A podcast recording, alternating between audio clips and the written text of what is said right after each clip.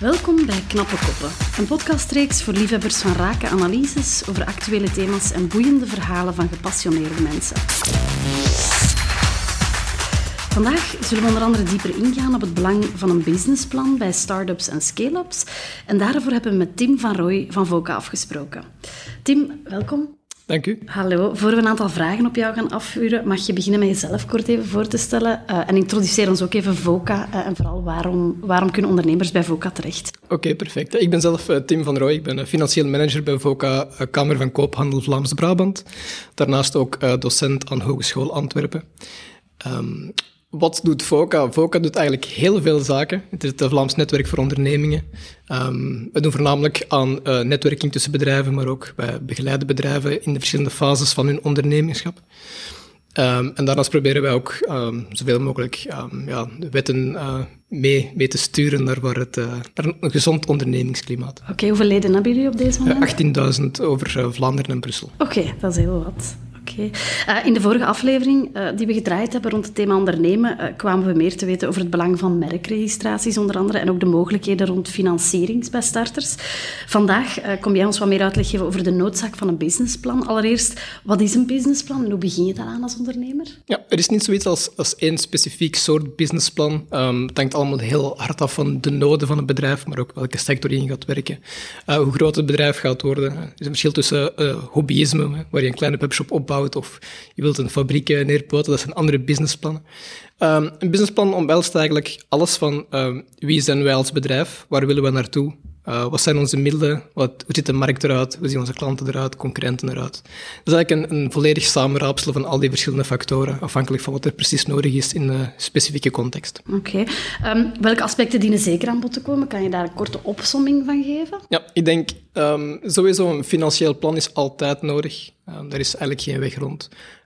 sommige bedrijven hebben heel weinig kosten. Um, maar dan nog, je gaat altijd wel iets proberen te verkopen, zij het een product, zij het een dienst.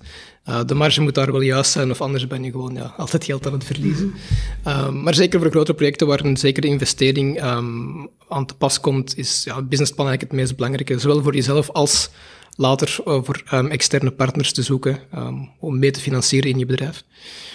een marktonderzoek is altijd belangrijk dat kan alle kanten uitgaan. Dat kan, welke concurrenten heb ik? Je hebt altijd concurrenten, zelfs bij een nieuw product. Um, maar ook, ja, welke soort van klanten wil ik aanspreken? Welke klanten zijn er ook? De koer, hoe groot is de markt? Kan ik naar het buitenland? Enzovoort. Um, en dan, als je niet een eenmanszaak opstart, is het ook altijd heel belangrijk om te kijken welk personeel heb ik nodig. Of als je samen met vrienden of, of collega's iets begint, um, wie doet wat. Dat altijd zeer uh, mooi afbakken in het begin. Dat uh, is altijd Problemen te vermijden. Ja, inderdaad. Ja, oké. Okay. Um, nu, een goed businessplan is geen garantie op succes. Wat zijn zo de grootste valkuilen uh, voor beginnende ondernemers? Ik denk, de grootste valkuil is eigenlijk gewoon een slecht idee. Okay. um, ik, ik moedig iedereen aan, uh, zeker vanuit FOCA, om te ondernemen. Um, er moet meer ondernomen worden in Vlaanderen, dus hoe meer, hoe liever.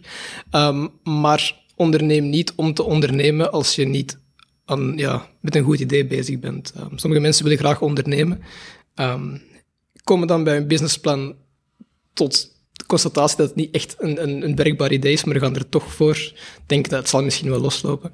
Uh, ik denk dat ja, valkuil nummer één is beginnen aan iets waar niet echt over nagedacht is. Um, tweede grote valkuil is de kosten onderschatten. Ik denk dat veel bedrijven heel goed bij financieel plan weten wat de grote kosten gaan zijn, de grote investeringen. Uh, maar onderschatten zwaar hoeveel kleine kosten er uh, komen. Ik was vorige week met een garagist aan het praten en die zei, ja, ik geef eigenlijk per maand 6000 euro meer uit dan ik had verwacht. Maar dat komt gewoon door 30 euro links, 20 euro rechts. Um, en die kleine zaken lopen wel gigantisch hard op. Um, die twee zaken zijn volgens mij de grootste valkuil. Uh, we vragen ook elke week aan, uh, aan de gast hier bij ons om een gouden tip uh, mee te brengen voor, voor de luisteraars of de ondernemerluisteraars. Um, wie, wat zou jouw gouden tip zijn? Gebruik de netwerken die bestaan. Um, we zien dat veel jonge ondernemingen een beetje schrik hebben van andere bedrijven, omdat ze denken, ja, zij gaan mij misschien blokkeren of ze gaan mij niet willen helpen. Um, zijn concurrenten van mij. Maar uiteindelijk, de meeste bedrijven en ondernemers zijn wel geïnteresseerd in, in netwerking en in het helpen van andere bedrijven. Um, een organisatie als FOCA kan daar sowieso ook bij, bij helpen natuurlijk. We hebben um, brio-trajecten, zoals ze heten. dat zijn trajecten waar dat wij uh, ondernemingen in verschillende fases van hun, van hun volwassenheid als onderneming helpen om um, te groeien. We hebben prios voor studenten, stand-ups, start-ups en scale-ups. En daar brengen wij verschillende ondernemingen samen. Um, wij geven hen opleidingen, zijn trajecten waar ze kunnen netwerken, maar ook waar ze financierders kunnen vinden, uh, waar ze elkaar kunnen helpen om bepaalde markt aan te boren. Um, en we zien dat ja, bedrijven die door zo'n brio-traject gaan, dat een veel betere overlevingskans hebben, omdat er gewoon, ja, er is zoveel meer kennis, er is zoveel meer uh, toegang tot financiering en markten. Dus gouden tip is, probeer zeker niet alles alleen te doen. Um, maar gebruik bestaande netwerken die er overal in Vlaanderen zijn. Ja, absoluut. Ik kan me inbeelden, zeker in, in, het, in, het, in het klimaat waar dat we vandaag de dag uh, toch mee te maken krijgen. We zijn geconfronteerd geweest met enkele ongeziene crisissen, uh, coronapandemie om er één te noemen. Natuurlijk ook de oorlog in Oekraïne, uh, die voor een wereldwijde energiecrisis zorgde. Um, welke specifieke uitdagingen brengt dit economisch klimaat met zich mee voor ondernemers? Ja, we doen altijd um, bij onze leden grote questionnaires om te kijken waar liggen nu eigenlijk de grote problemen. Um, sommige zaken zijn aan het oplossen. Zoals vorig jaar was een van de grote problemen nog de logistieke problematiek, um, die iedereen wel bekend is die onderneemt, denk ik. Dat begint redelijk opgelost te geraken. Ja, COVID zindert na in, in de, een gebrek aan vertrouwen bij investeerders en ondernemingen om uh, zaken te ondernemen. Maar ik denk, wat momenteel de grootste zorg is voor velen, um, dat gaat minder het probleem zijn voor start-ups, maar voor kleinere bedrijven en grotere bedrijven is uh, personeelsmarkt. Okay. We hebben natuurlijk die indexatie, dus dat is ineens uh, 11% uh, loonkost erbij, wat gigantisch is voor vele bedrijven.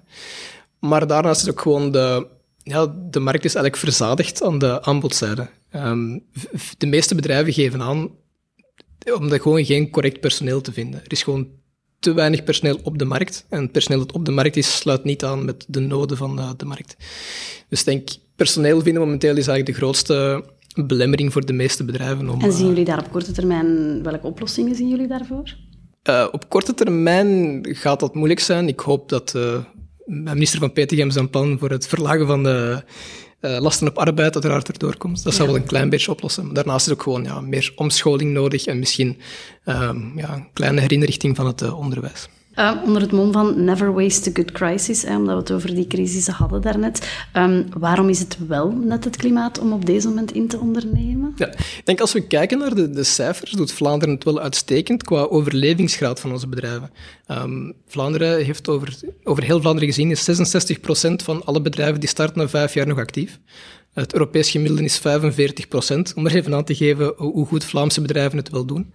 Alleen de, overlevings, de ondernemingsdynamiek is heel erg laag in Vlaanderen. Ja, wel in België. Enkel Griekenland doet slechter binnen Europa. Dus te weinig mensen starten een bedrijf, maar wie er een start, um, doet het eigenlijk wel heel goed. Dus ik denk, weinig bedrijven heeft wel het voordeel dat ja, de concurrentie is een pak minder. En je vindt meer bereidheid van investeerders om, om eh, mee in te stappen, omdat er gewoon zo weinig in te investeren valt in Vlaanderen. Dus ik denk, er is geld op de markt. Uh, er wordt heel veel geïnvesteerd in Vlaanderen. We hebben vorig jaar het record gebroken. Um, dus ja, het geld is er, de, ruimte is er.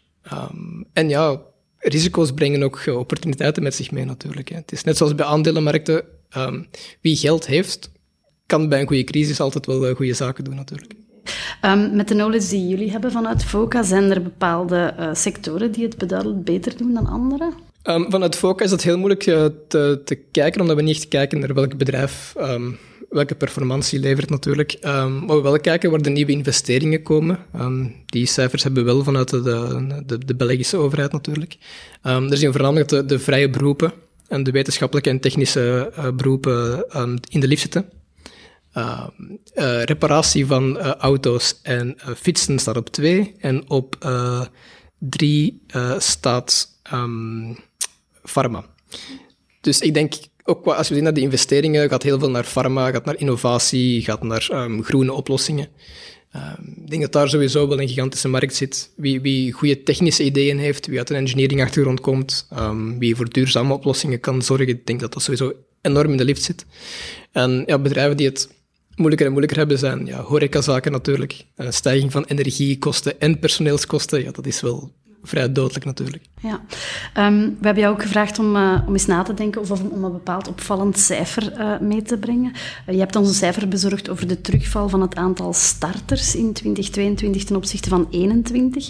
Um, we zien dat er sprake is van een gemiddelde daling van zo'n 4% Hoe komt het dat dit cijfer negatief is en dat er dus sprake is van een terugval? Ja, ik denk dat heel veel mensen geen zin hebben om te investeren in eh, op te starten van een nieuwe onderneming uh, tijdens COVID of tijdens een beginnende oorlog die mogelijk zwaar zou escaleren. Ik denk dat we daar niet echt ver moeten zoeken. Um, het vertrouwen was, was heel ver weg bij alle ondernemingen, zowel de bestaande ondernemingen als de ja, ondernemingen die wilden opstarten of net in, aan het opstarten waren. En er gewoon, de grote onzekerheid is altijd een probleem. Um, en dan komt er nog een loonindexering aan, wat niet alleen direct een probleem is natuurlijk voor um, onderneming, omdat zij meer loonkosten moeten uitbetalen. Maar daarnaast is er ook natuurlijk, ja, je verdient als werknemer gewoon ineens 11% meer. En dan is de stap van werknemer naar eigen bedrijf weer een beetje groter. De gouden kooi wordt weer iets uh, strakker uh, dichtgedaan. Ook, ja. Dus al die zaken zijn wel... Um, ja, het, het, is een, een moeilijk klimaat om te beginnen. Um, zeker niet onmogelijk, zoals de cijfers tonen, maar ik snap de onzekerheid wel. Oké. Heb je al een idee wat de cijfers voor 2023 zullen zeggen? Wordt er opnieuw groei verwacht? Um, dat is altijd een zeer moeilijke voorspelling. Jaren 20 gingen de Roaring Twenties worden en we gingen sowieso gigantisch vooruit gaan, maar dan komen COVID en uh, Rusland. Uh, en dan valt dat volledig stil natuurlijk. Het zal heel veel van de oorlog afhangen, denk ik. Um, komt COVID nog terug? Ik denk dat er iets minder zal op overgereageerd worden dan vorige keer. Maar ja, het is moeilijk te zeggen. Ik, ik denk op de eerstkomende maanden wordt er een kleine groei verwacht, maar dat is, hangt te veel af van externe factoren. We gaan begin volgend jaar nog eens moeten afspreken Inderdaad. om het daarover te hebben. Um, andere indicatoren zijn wel positief, zoals bijvoorbeeld uh, het additief bedrag dat geïnvesteerd wordt in België. We hebben het daar in een van onze vorige afleveringen over gehad. Hoe verklaar je dat dit haak staat tegenover het aantal nieuwe starters? Ja, ik denk de additieve investeringen, um, ja, dat is eigenlijk een, een, nominaal bedrag. Dus daar kijkt eigenlijk gewoon naar hoeveel geld wordt er in de economie gepompt. Ik denk, het geld is er al jaren, dat is geen enkel probleem. Alleen waar gaat het geld naartoe? Dat geld gaat niet naar kleine starters die, die beginnen. Als we zien waar het geld naartoe gaat, is voornamelijk naar uh, pharma en chemie bijvoorbeeld. Ja, daar worden honderden miljoenen ingepompt die niet naar kleine bedrijven gaan. Dus daarmee, die cijfers gaan altijd een beetje haaks op elkaar staan. We zien ook dat heel veel van de nieuwe investeringen uit Azië komen.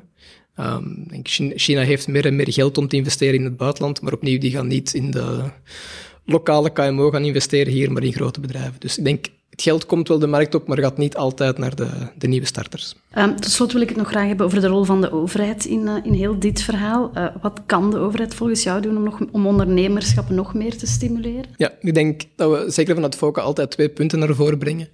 Eén um, is, ja, maak ondernemen gemakkelijker. Er is heel veel administratieve romslomp. Um, er zijn redelijk onnodige kosten in het begin van een onderneming gewoon om administratief te kunnen opstarten. Um, heel veel licenties nodig. Um, heel lange wachttijden ook om zaken gedaan te krijgen bij de overheid. Um, dus ja, veel minder red tape zou een geweldig goed begin zijn. En twee, stimuleer ondernemerschap vanuit het onderwijs. We zien in het onderwijs heel erg weinig focus op uh, ondernemen, uh, tot bijna geen, spijtig genoeg. ik denk dat daar ook misschien wel wat ruimte zou kunnen zijn om kinderen en, en jonge volwassenen warm te maken voor uh, een eigen onderneming. Oké. Dat is diplomatisch geantwoord. Bij deze. uh, bedankt, uh, Tim, voor alle toelichting die jij hier gegeven hebt. Um, en ook jullie bedankt om te luisteren naar deze aflevering van Knappe Koppen. Benieuwd naar de volgende aflevering? Abonneer je dan snel en volg Knappe Koppen en Mediaplanet België op Instagram. Voor alle vragen en of opmerkingen kan je ons ook contacteren via knappekoppen.mediaplanet.com.